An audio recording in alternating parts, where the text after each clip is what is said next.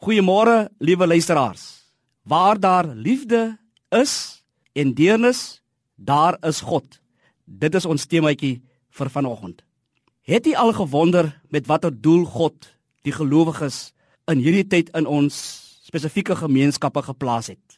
Watter verskil maak die evangelie van Jesus Christus aan ons verhoudings, spesifiek die noodlydendes in ons samelewing?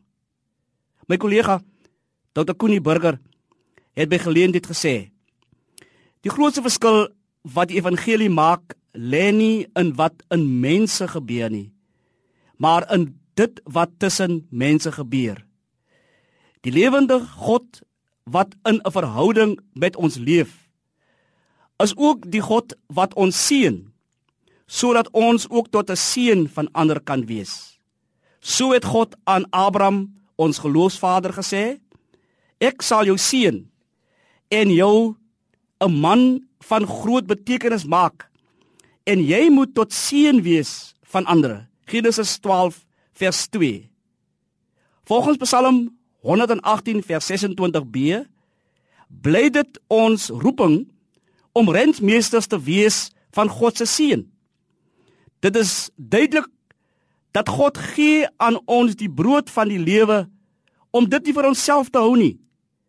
Hy gee dit dat ons daarmee sal werk tot seën sal wees. Die sy koninkrykswerk uit te brei.